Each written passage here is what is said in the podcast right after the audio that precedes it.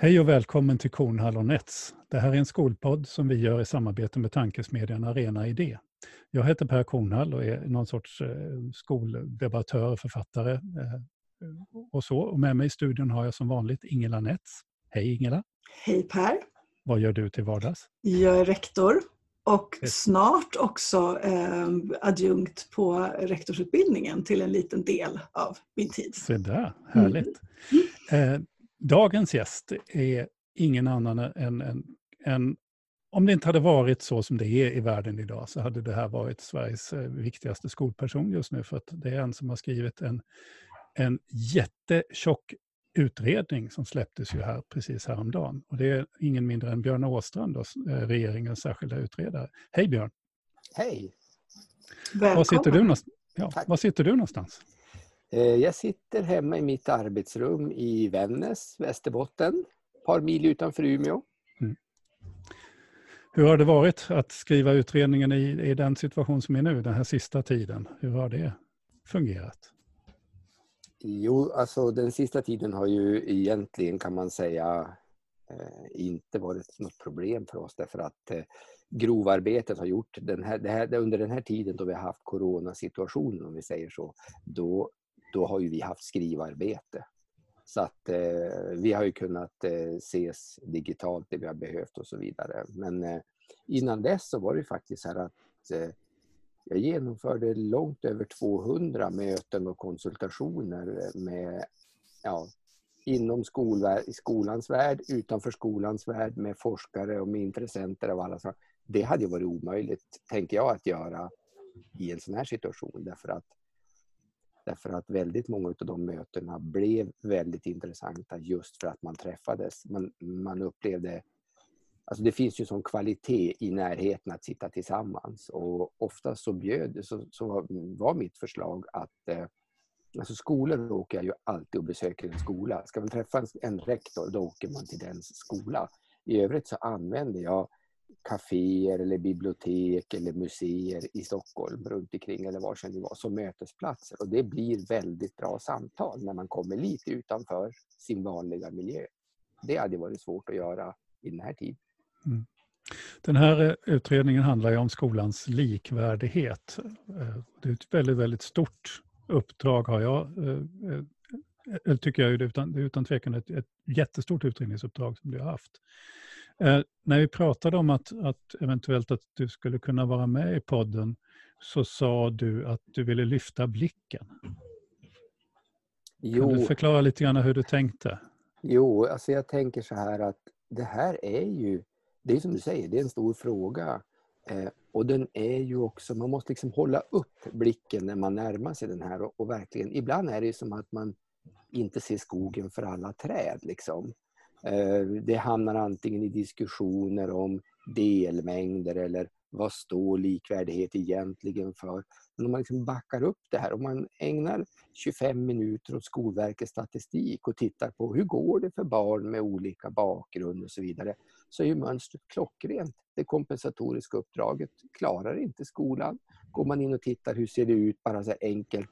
Alltså, statistiken där är ju inte sådär... Um, ja, man får jobba lite med den i alla fall. Men, men, men när man tar ut det så här, tittar på så här, hur ser det ut, kunskapsresultaten, alltså med betyg med, med meritvärden och så, om man fördelar det på länsnivåer och sådär, så får man ju direkt sådana här spretiga nivåer. Alla de här indikatorerna på att vi har inte en likvärdig skola. Den finns där.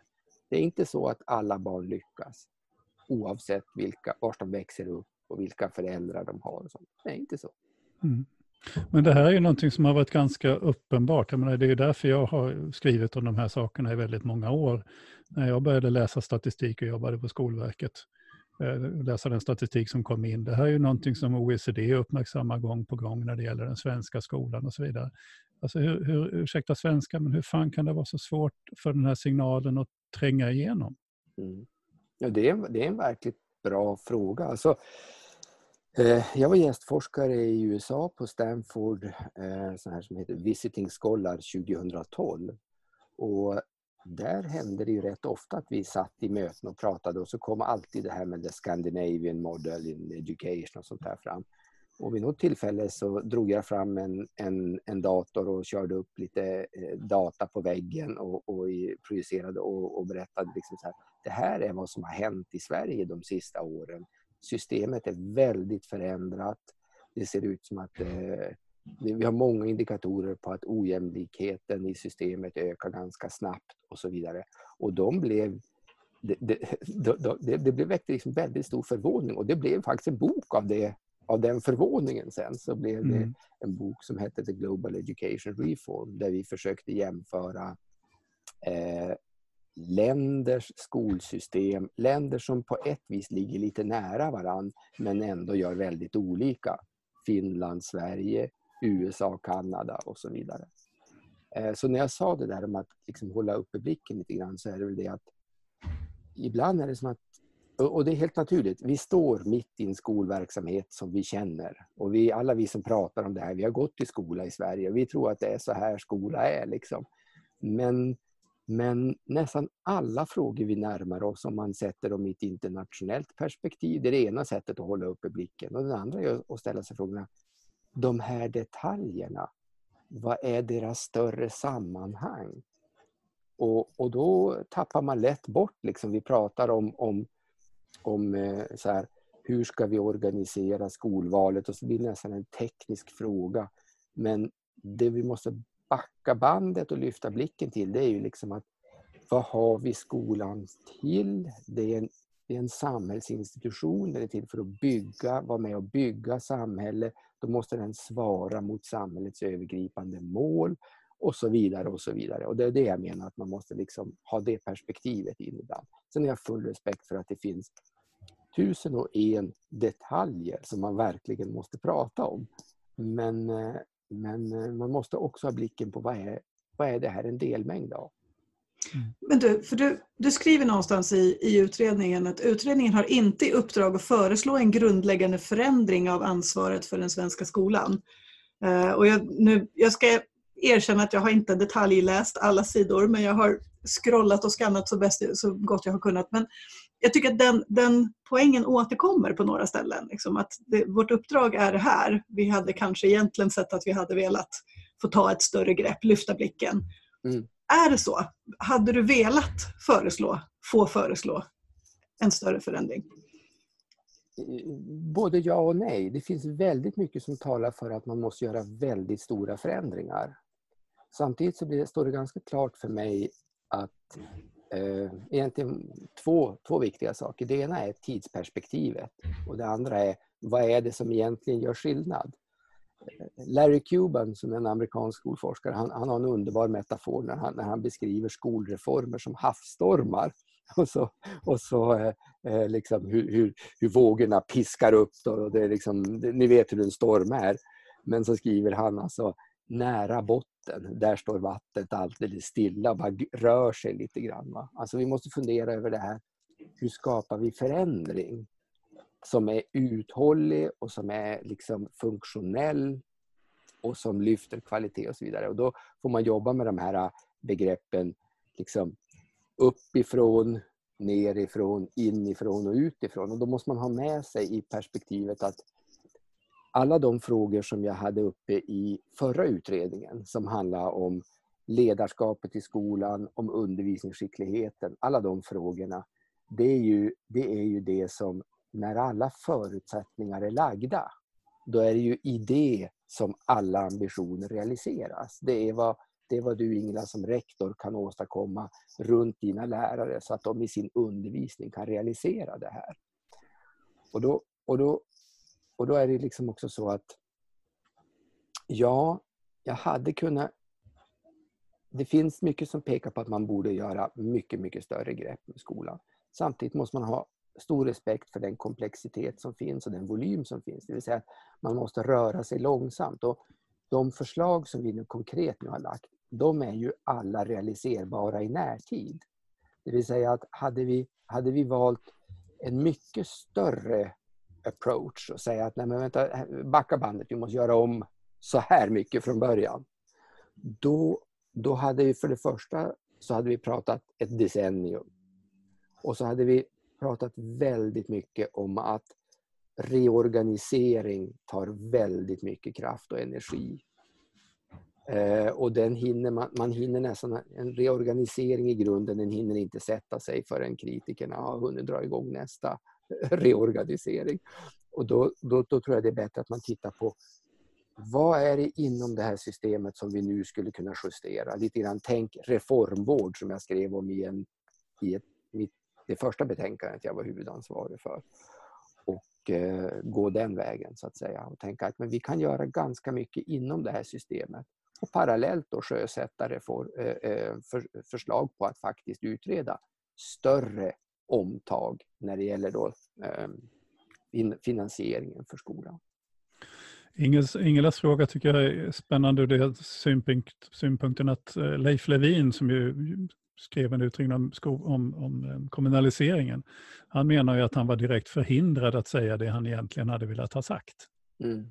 Har du känt den typen, alltså du är förhindrad i själva uppdraget?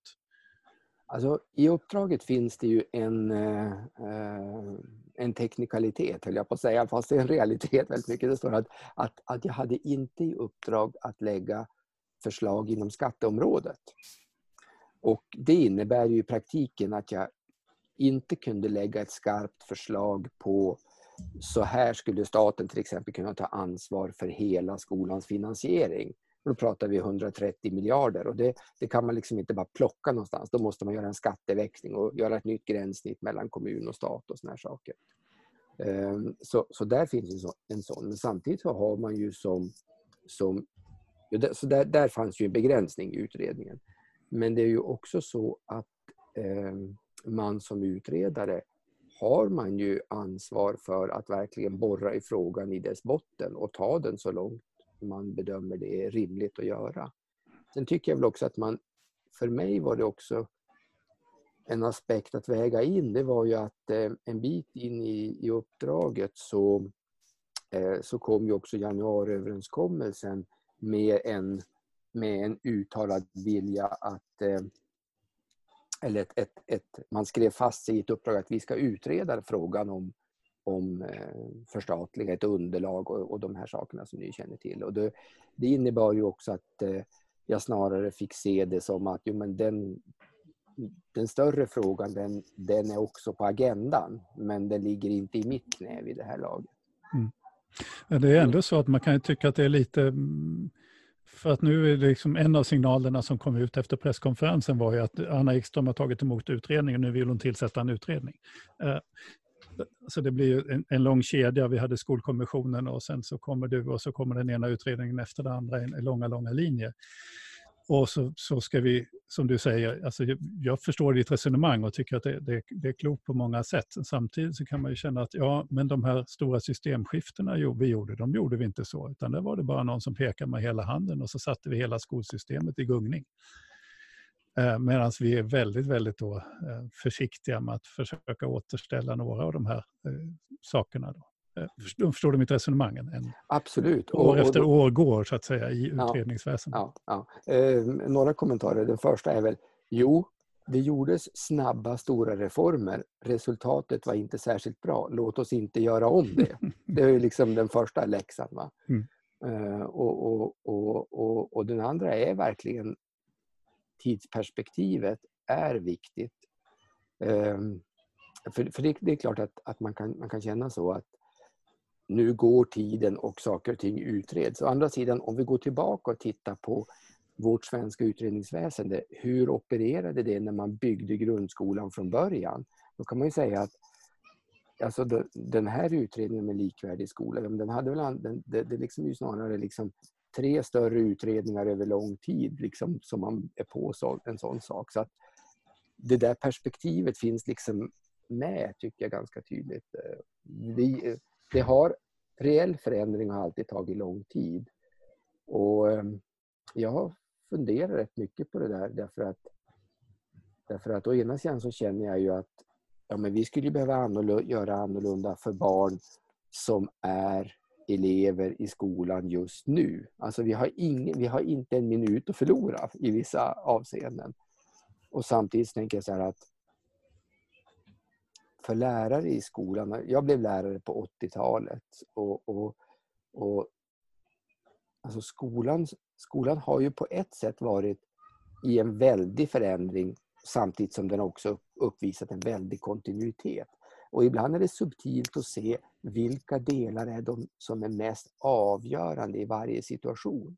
Och jag tror att den förra utredningen vi gjorde, och som, som för resonemang om hur kan vi bygga kompetens långsiktigt så att skolans personal, det där är ju inriktningen lärare och skolledare, kan realisera det uppdrag de har. Det är egentligen den allra viktigaste frågan. Att vi har, att vi har eh, liksom ett system som vårdar den typen av undervisningsskicklighet, annan yrkesskicklighet som vi har i skolan. Och, och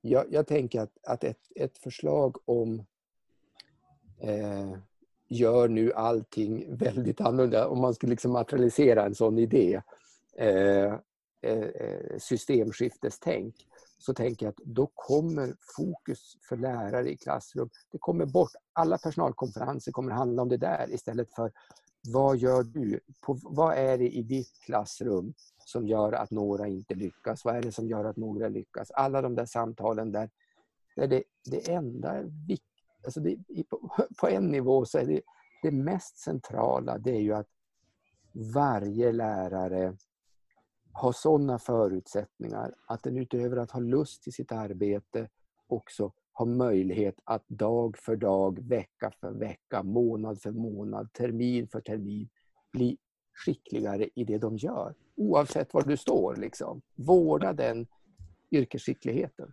Om, om vi då säger så, vad i den här utredningen är viktigast för att nå fram till det? Så att säga? Vilket av era förslag skulle stödja läraren i det, i, så att säga, i det här undervisningsarbetet?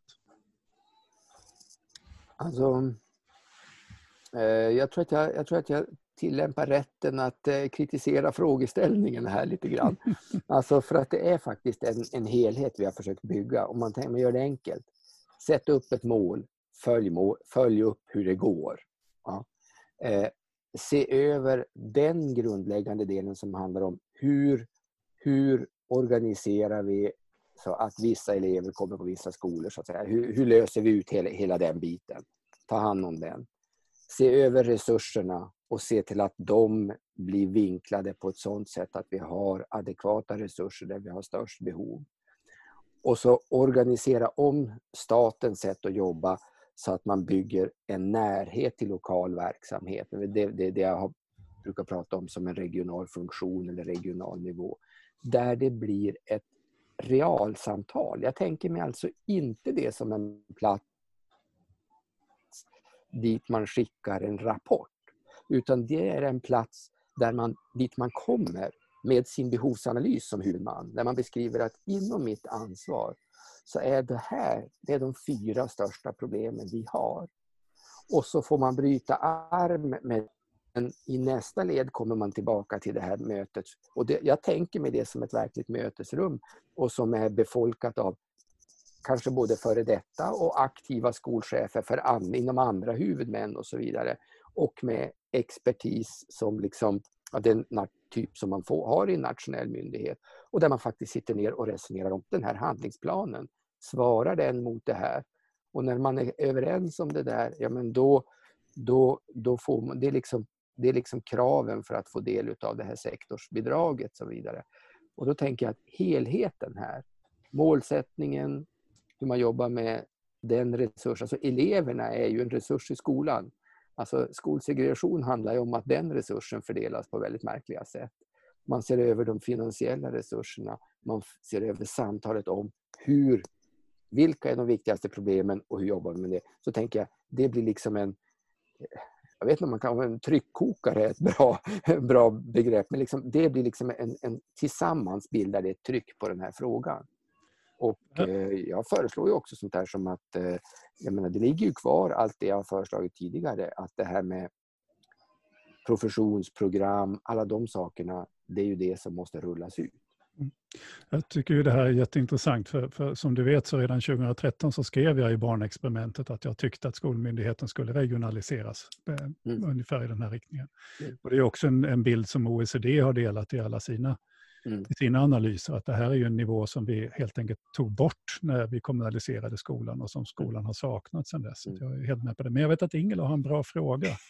Ja, får jag bara göra en kommentar? Ja. Till, det, det är ju också att det här med den här målsättningen, alltså som då är att eh, systematiskt jobba med skolsegregationen, den uttrycktes ju redan, redan på 60-talet i, i strävan efter en allsidig social sammansättning. Och den fanns ju den finns med delvis i Lgr 62, den finns i Lgr 69, den fanns i Lgr 80. Och just när den skulle behövas som mest, när, när det blev decentralisering och marknadsmodell, då försvann den. Det är liksom historiens ironi på ett sätt. Mm. Men det finns förklaringar till det. Ja, och jag funderar på, för att just det här förslaget om, om regionalisering av Skolverket eh, har ju redan hunnit få viss kritik. Eh, bland annat i en, en debattartikel i eh, Svenska Dagbladet där eh, friskole-VD-erna eh, uttalar sig. Eh, de kallar det för ett landsting för skolbyråkrater. Mm. Eh, och jag kan någonstans också se utifrån mitt perspektiv att eh, det finns en attraktivitet i någon sorts karriärmässig attraktivitet att söka sig, om man jobbar i skolan, att söka sig till ett, ett statligt jobb och, och kanske på liksom en, en nästa nivå skulle vara en regional nivå. Är inte det här så att vi skapar ytterligare ett lager av processledare och, och människor som, som vill ha kontroll och makt och dessutom utarmar skolan på de duktiga praktiker som behöver vara kvar i skolan där vi saknar just dem och lider brist på? Eh, ja, men det där är en bra fråga. Ett, när man tänker på det som, när man skriver om det som ett landsting och man eh, antyder liksom en politisk nivå, för det landstinget är ju det, och eh, liksom med den problematik och byråkratisering som finns där, då, då, har man, då, är man, då har man inte läst det här och det kan man ju ha respekt för i sammanhanget. Då.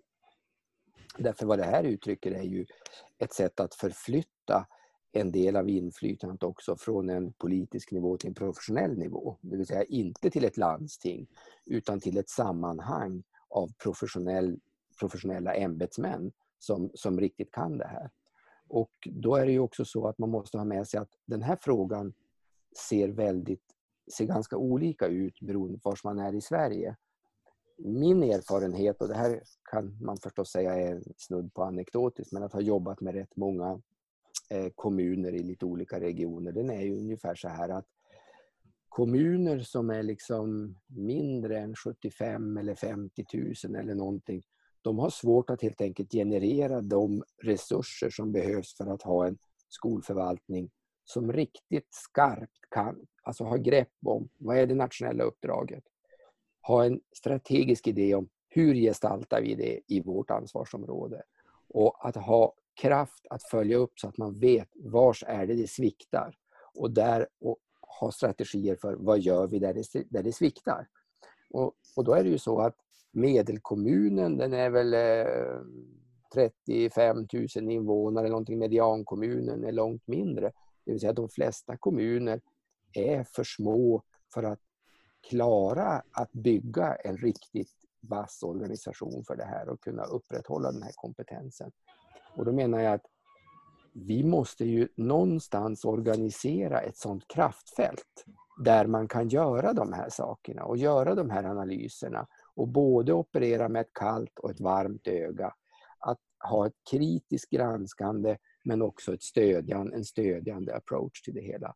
Så att jag ser det inte som att det här blir liksom ett överbyråkratiserat mellanled utan jag ser att man man, man, får nog tunna, man får tunna ut en del saker som finns i Stockholm idag och flytta ut hanteringen utav dem i, på, i, i eh, regionerna. Och eh, jag tror också att det är så att det här kommer att bli en jätteintressant mötesplats. Jag var på besök i en region och där hade skolcheferna hört av sig och eh, undrat om jag kunde komma och prata med ut, om utredningen. Och då sa jag, nej men jag gör inte gärna det, men jag kanske skickar några frågor så kommer jag gärna och lyssna på vad, ni, vad, vad era reflektioner är. Och så hade de valt ut, eh, så jag tror att de var fem stycken jag mötte eller något sånt där under en halv dag.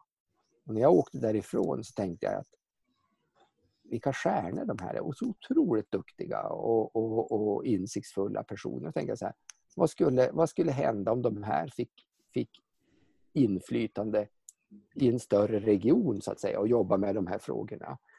Och eh, det är lite grann så jag ser det här. Va? Att här kommer det att bli en mötesplats där en del saker flyttas ut från Stockholm, sen kommer man måste nyrekrytera och då har du alldeles rätt i att det är kanske så att några av de duktigaste skolcheferna i regionen, de kommer att räcka upp handen och kliva in här. Och det kommer att vara ett tapp i de miljöerna. Samtidigt så är i de miljöerna därifrån de kommer sannolikt så har de sannolikt fler av den kalibern, för de brukar liksom gå lite grann i flock ibland. Sådär. Nej, men att man bygger en bra organisation så finns det fler som kan kliva in i dem. Och då, och då tänker jag att några av de här som verkligen kan de här frågorna, de kommer att komma in på den här nivån och de kommer att ta med sig sin kritiska blick och sin stödjande kompetens in i det här. Så jag tror att det här kan bli riktigt bra faktiskt. Det finns en risk att det blir en plats för ytterligare paper trade, alla de där sakerna, det finns det. Jag har försökt vara tydlig med att det är inte det som avses här. Sen kan man ju kanske lyfta lite varningstecken för vi har ju då fortfarande kvar de formella styrsystemen då i kommunerna. Eh, med den politiska styrningen och så vidare. Så vad frågan är vad, vad kommer den här nivån att få för mandat i, i styrningen och sånt där. Nu har jag inte läst vad ni har skrivit om det så jag kan inte, så, men jag bara lyfter det. Men jag skulle vilja lyfta en annan fråga, eller bara backa tillbaka. Vi ska inte hålla på för länge heller. Vi måste prata lite grann sen om skolval, men jag skulle vilja backa tillbaka till en, en, en fråga. Och det handlar om det här med likvärdigheten i stort. För jag vet inte om det var i den här Global Reform som du skriver i ett papper att det här likvärdighets, eh, den här samlade skolan, enade skolan, enhetsskolan är en historisk parentes i Sverige, en tillfällig och att vi tidigare och nu är tillbaka vid en stratifierad skola. Alltså mm. du som är, du är historiker av, mm. av, av mm. till, till, professionen, så jag bara undrar, har du någon tanke kring det? Jo men alltså, det där tycker jag är ett, lite grann ett eh, jag tycker det är ett väldigt viktigt perspektiv. Ibland kan man ju tycka att historiker är lite mossiga och alltid går tillbaka och sådär till något för, för, förflutet. Men, men om vi tittar på det här så är det ju faktiskt så att svensk skola, förutom att man kunde konstatera, vilket ju vi ofta inte kanske gillar, men det finns några intressanta nedslag när man konstaterar in på 50-talet hur ålderstiget och gammeldags och faktiskt ganska dåligt skolsystem vi hade. Liksom sådär, va? Så, så, men så, så, är det en annan sak som sticker ut när man tittar. Det är ju hur, hur den där dåligheten i systemet gestaltar sig i, i, när jag presenterade utredningen så nämnde jag det här med parallellskolesystem, att det var som två olika system. Men i praktiken finns historiker som har visat på att det fanns kanske 15, 16, 17 olika sätt att trixa sig igenom systemet. Eller trixa, men navigera ett bättre uttryck genom systemet. Och som, där det fanns en, liksom en blandning av eh, både offentliga och privata aktörer, av skolor och utbildningar som byggde på helt olika principer och olika sammanhang. Som kokar ner till att det krävdes extremt mycket av föräldrarna att ha kunskap så att man kunde navigera sina barn genom det här. Men också eh, eh, ha tid och kraft och bo på en plats där det var möjligt. Resten blev liksom, de blev lämnade åt det här. Och då är det ju så att det som kommer efter andra världskriget, det som först börjar som en tar upp 1800-talets fråga om en bottenskola, en gemensam skola som sen gestaltar sig i begreppet enhetsskola och som så småningom blir grundskolan. Det är ju någonting där man kraftsamlar.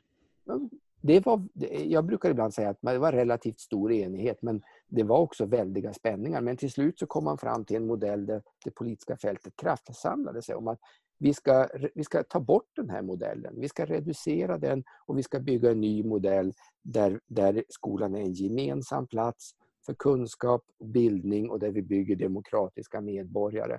Och det där höll liksom under en väldigt kort period. För det, det liksom, ni vet ju, grundskolan tog en lång tid att, att ta in och det är inte först på 70-talet som den faktiskt är etablerad. Och sen så började det här krackelera och lösa upp sig i slutet på 80-talet under 90-talets reformer. Så att ibland tänker jag att man måste ha med sig det perspektivet att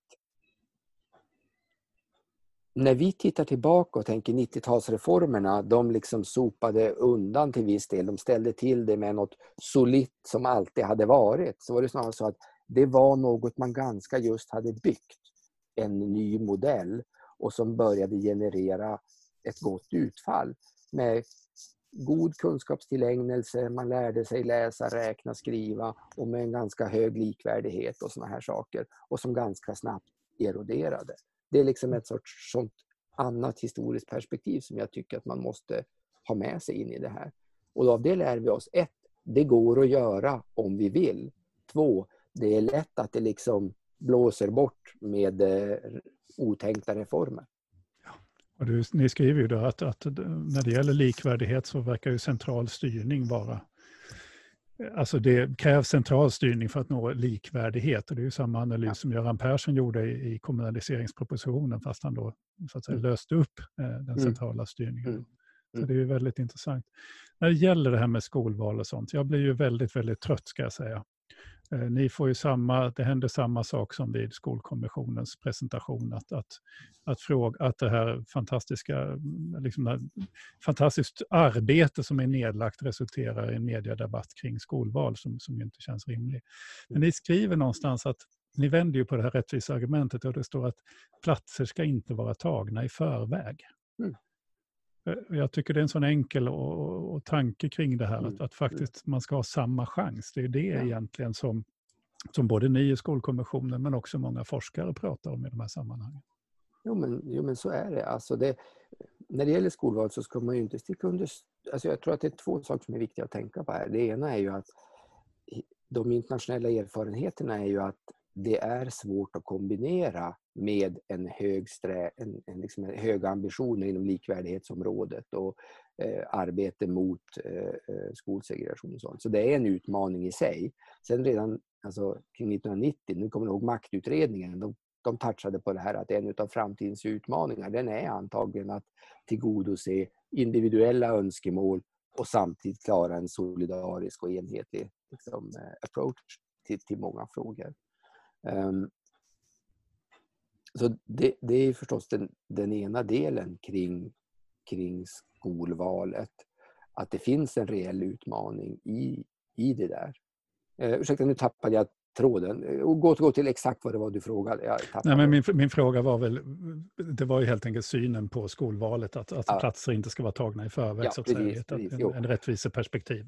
Precis, jo, ursäkta mig. Men, men eh, det, är ju, det är ju så att eh, ska man ändå ska man ha ett skolvalssystem så måste det ju vara, det måste ju vara baserat på den principen att alla ska ha lika möjligheter i det här systemet. Och eh, då, visst, vi vet saker och ting, eh, vad, hur mycket boendesegregation och såna här saker in, spelar roll och så vidare. Men, men det kan inte vara så att man organiserar det här systemet så att när det är som mest naturligt att göra det här valet, nämligen inför att ett barn ska börja skolan.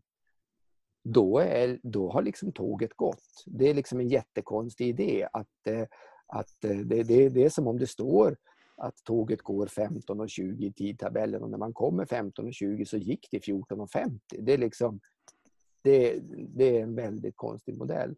Nu är det en del som menar att eh, mm, det här är det, det här uttrycket för att man, att man sätter elev, eller barnen i kö redan när de är nyfödda är ett uttryck för en omsorg som man ska premiera. Det finns ju många, mm, alltså, spontant kan man ju tycka att visst, det är jätteviktigt att man premierar att man, att man engagerar sig i sina barn. Men det kan ju ske på massvis med olika sätt. Det är ju inte det enda sättet att man klickar in dem på en, på, i ett kösystem någonstans. Det är verkligen inte så. Men mm. finns det någon sorts... Jag tänker att nu, nu jobbar jag på en skola som tillhör en koncern som har varit väldigt kritiska till, till mm. eller del av dem som är kritiska mot, mot utredningen som helhet. Men, men också tidigare har pratat om just skolvalet som en, en möjlig liksom regulator för, för att ändå minska segregationen.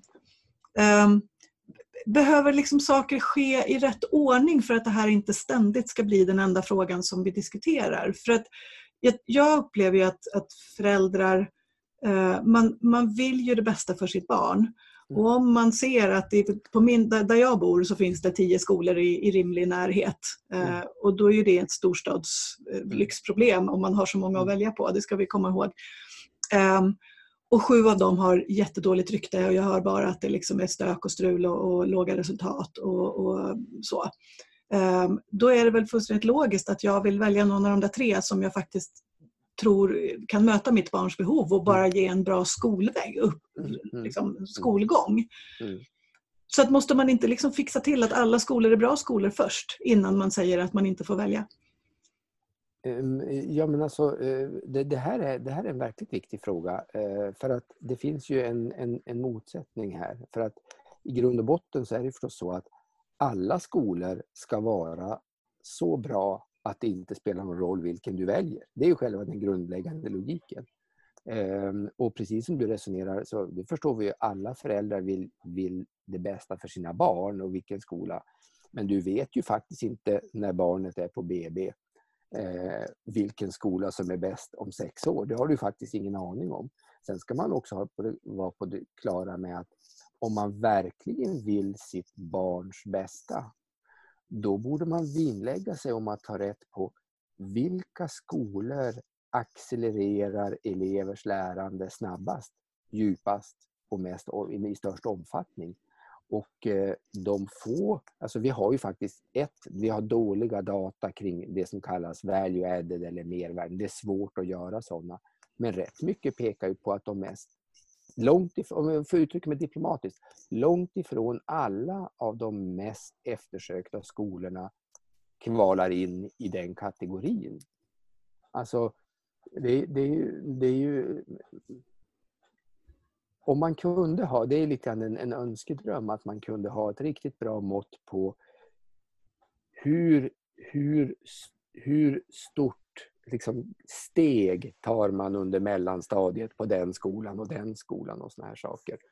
Det är ju inte, faktiskt inte uppenbart att, eh, att de skolor som är mest eftersökta alltid står för det. Det, ju ett, det blir ju ett jätteproblem för det, för det som är ganska tydligt här. Det är ju att de enskilda lärarna blir ju väldigt viktigt för det här. Så ska Ja. vi lösa upp det här så ska vi ha lärarval. Mm. Eh, Och då ska ju i så fall vissa lärare då ha 100 barn och andra tre, för de här dåliga lärarna ska bara ha tre barn. Alltså, det finns ju massa logiska problem med de här valmodellerna. Som, som, och Det är också med rättvisan att vi, varför ska vissa föräldrar kunna välja de här bra skolorna när andra Mm. då inte, på grund av de här tidiga valen, inte har möjlighet till det. Så det tycker de mindre om sina barn? Är det det vi säger då? Så, alltså det finns ju så mycket komplexitet. Ja, ja, Men ja. jag skulle vilja att vi, för nu har tiden gått och vi ska inte ta för mycket av din tid, eh, Björn. Och vi kan inte ha för långa poddsändningar för då lyssnar inte folk på dem. Men, eh, så, men vad händer nu? Vad, alltså, vad, vad händer med utredningen och vad ska du göra? Ja, det är en bra fråga. Eh, ja, men det, viktigaste, det viktigaste är ju vad som händer faktiskt med utredningen nu. Ehm, det, det är ju att, eh, som jag uppfattade ministern i samband med eh, presskonferensen så avser regeringen att skicka ut den här på remiss. Och det tycker jag känns, det är, liksom, det, är så, det är det som man som utredare verkligen önskar. För då har man lagt ner jättemycket tid på att eh, belysa ett problem på det bästa sätt man kan. Och eh, i nästa led så blir det ju så att ja, men nu kommer det här ju ut, jag menar, nu har det diskuterats i media och såna här saker och folk är upprörda och så vidare. Men det är ju sådana fundamentalutmaningar vi har. Det är ju, det är ju inte så som det lätt framställs att vi, vi, liksom, vi misslyckas med att nå målen. Det är faktiskt så att vi gör det i allt sämre grad. När det gäller likvärdigheten och skolsegregationen så går utvecklingen åt fel håll.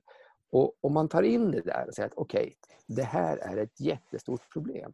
Då, då hoppas jag nu att man läser den här utredningen, att man faktiskt ägnar tid framöver åt att reflektera över det här. Och det kan hända att det här är, inte är de allra bästa förslagen, men det som är det intressanta det är ju att med en bra remissrunda så kommer det här att bli startpunkten för de bästa förslagen och det man faktiskt kommer att genomföra.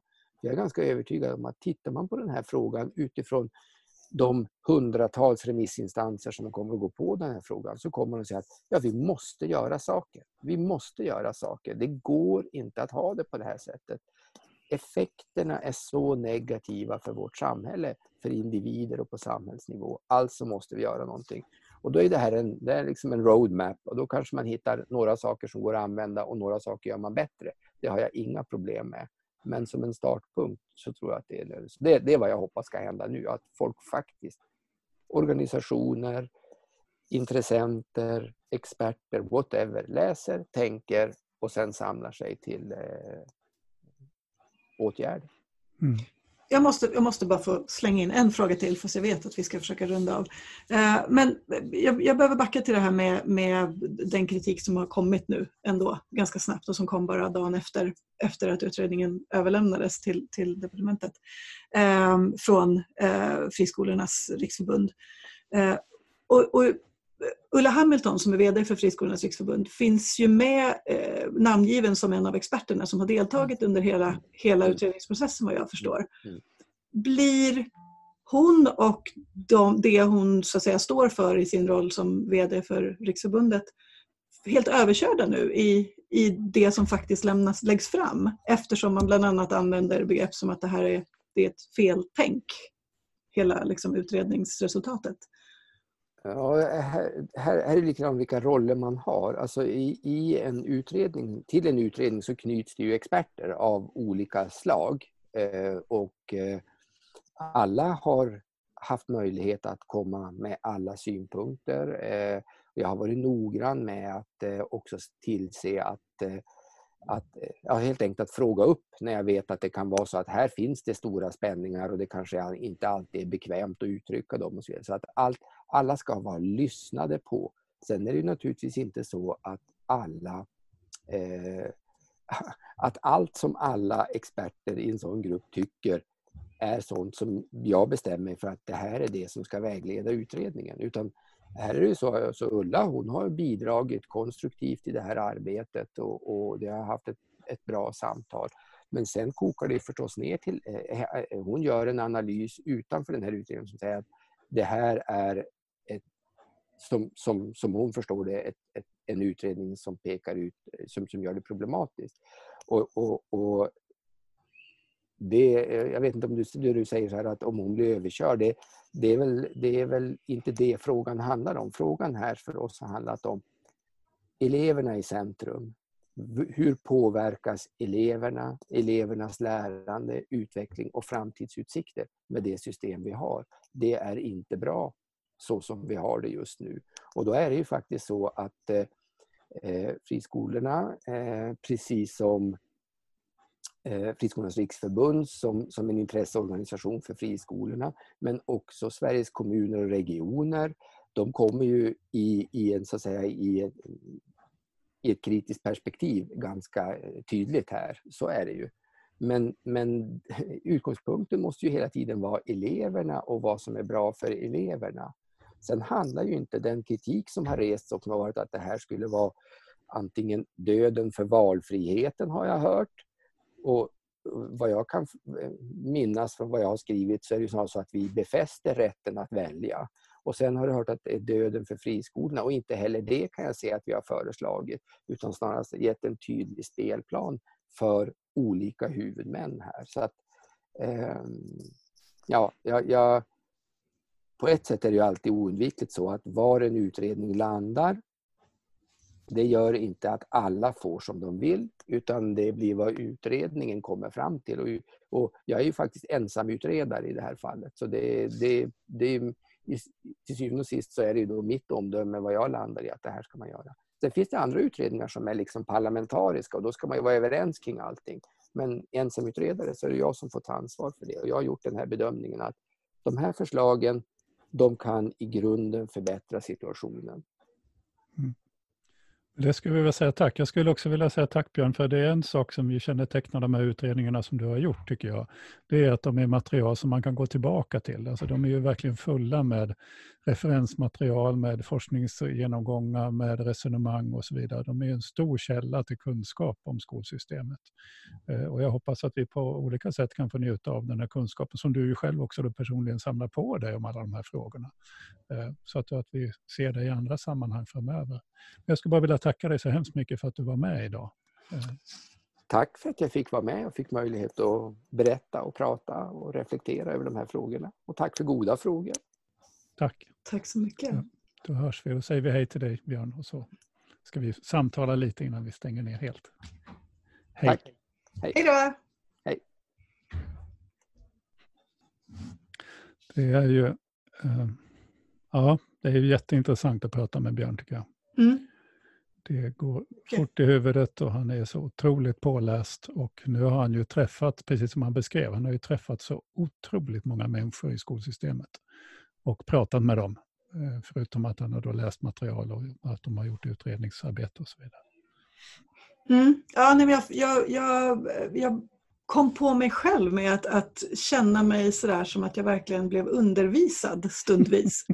För att det finns, den, alltså, han, han, jag som inte har träffat Björn tidigare upplever att jag, liksom, han personifierar i det här läget någon sorts vetenskapens röst. Liksom. Ja, eh, ja, han är ju gammal lärare, så han är ju en ja. god, han är en jag, har ju, jag har ju dessutom från säker källa, det vill säga Twitter, oerhört ja. säkert, eh, fått höra att han har doktorerat i historisk tortyr. Vilket jag oh, shit! det visste inte jag. ja, men då var väl rätt person då på, på det här. Ja, man kan ju fundera på hur mycket, hur mycket han haft nytta av det i ja, tre års utredningsarbete. Ja. Hade du något speciellt du tänkte på? Som, alltså, vad, vad slog dig under samtalet? Nej, jag, alltså det är så, så många saker som... som jag kommer tillbaka till att, att eh, jag måste bara dricka lite vatten för jag satt i halsen. Jag kan säga vad jag tänkte. Så, så det. Det, det som för mig ändå hela tiden kommer tillbaka det är ju att de personer som riktigt på allvar sätter sig in i statistiken över svensk skola, de återkommer med det här budskapet om, om problematiken med både segregation och likvärdighet. Och det är ju otroligt bekymmersamt när det är en av de absoluta grundbultarna för eh, skola överhuvudtaget. Och det är det här som förvånar mig, eller förvånar de jag träffar nere i Europa och har träffat mycket internationella forskare och sånt. Därför att i alla de här, alltså nere i Europa så är skolan, likvärdighetsfrågan är central för skolans funktion i ett demokratiskt samhälle. Medan vi verkar ha tappat bort den här, alltså den här grundläggande funktionen att det ska vara en plats där det är lika chanser för barn. Därför att vår demokrati bygger på att, att medborgarna har samma röst och så vidare. Sen att det här inte är, är, liksom realiserat i något land eller något sånt, men diskussionen finns hela tiden där. Eh, så att jag tycker det är lite bekymmersamt att, att inte den alltså, vi hamnar så lätt i andra eh, små bråk och diskussioner. Mm. Och, och, det kan jag nog tänka också att vi, vi behöver ju ha um, en, en, långsiktighet i de politiska besluten kring skolan. Uh, och då behövs det någon sorts, kanske det som, som Björn säger, att vi måste lyfta blicken och titta på de, de liksom grundläggande idéerna om varför vi har skola i Sverige. Eh, och inte fastna i de, de liksom konflikter som riskerar att göra att vi inte kommer dit. Det tycker jag är verkligen det är jätteintressant med, med Anna Ekströms uppdrag till skolmyndigheterna att komma fram till, till mål för svenska skolan. För vi har ju haft, vi kallar det för målstyrning, men det har ju bara gällt att vi har då kunskapskrav att uppnå typ i skolan. Men däremot har vi inte satt nationella mål för likvärdigheten och, och gjort uppföljningar på det och gjort insatser det är också någonting som förvånar väldigt många betraktare av det svenska skolsystemet. Att vi, vi har haft en, att säga, en blind styrning av det. Vi har satt igång processer men vi har inte brytt oss om att följa upp vad som egentligen händer. Eh, och vi har inget system för att gå in och korrigera om det skulle ge fel resultat. Och det här är någonting som dyker upp redan på 1990-talet, tidigt 1990-tal och som OECD redan då pekar ut för Sverige. Men, men vi bara fortsätter på den där inslagna vägen. Så att, ja, det ska bli spännande att följa det här, vad som, vad som händer med mm, Verkligen, och spännande att se vad, vad menas egentligen med att det här är reformer som skulle gå att genomföra i närtid. Hur, hur, mm. Vad är närtid? Ja, ja, det väntar alla lärare mm. på. Ja. Precis. Du har just lyssnat på avsnitt fem, om jag räknar rätt, av Kornhall och Nets, eh, som är en skolpodd som vi gör i samarbete med tankesmedjan Arena Idé. Eh, och vi som gör den här podden, det är jag, Per Kornhall, och det är eh, Ingela Nets. I varje avsnitt så intervjuar vi en eller fler personer vars kunskaper, position eller arbete är intressanta för den svenska skolan. Om du har en önskegäst eller om det finns frågor du vill att vi ska belysa, så hör gärna av dig till oss. Eh, du hittar kontaktuppgifter där du hittat podden. Och det är så här också att vill du inte bara ha oss i öronen utan se oss i de besynnerliga världar och hem och, och, och, och, arbetsrum och så vi befinner oss i under den här coronaepidemin. För nu sänder vi ju inte live utan vi sänder ju på olika ställen. Därför kan ju också ljudkvaliteten vara lite varierande. Men det finns att titta på också som en videopodd på Arenas Idés Youtube-kanal. Och med det så säger vi tack för den här gången och vi ses igen. Hej då! Hej då!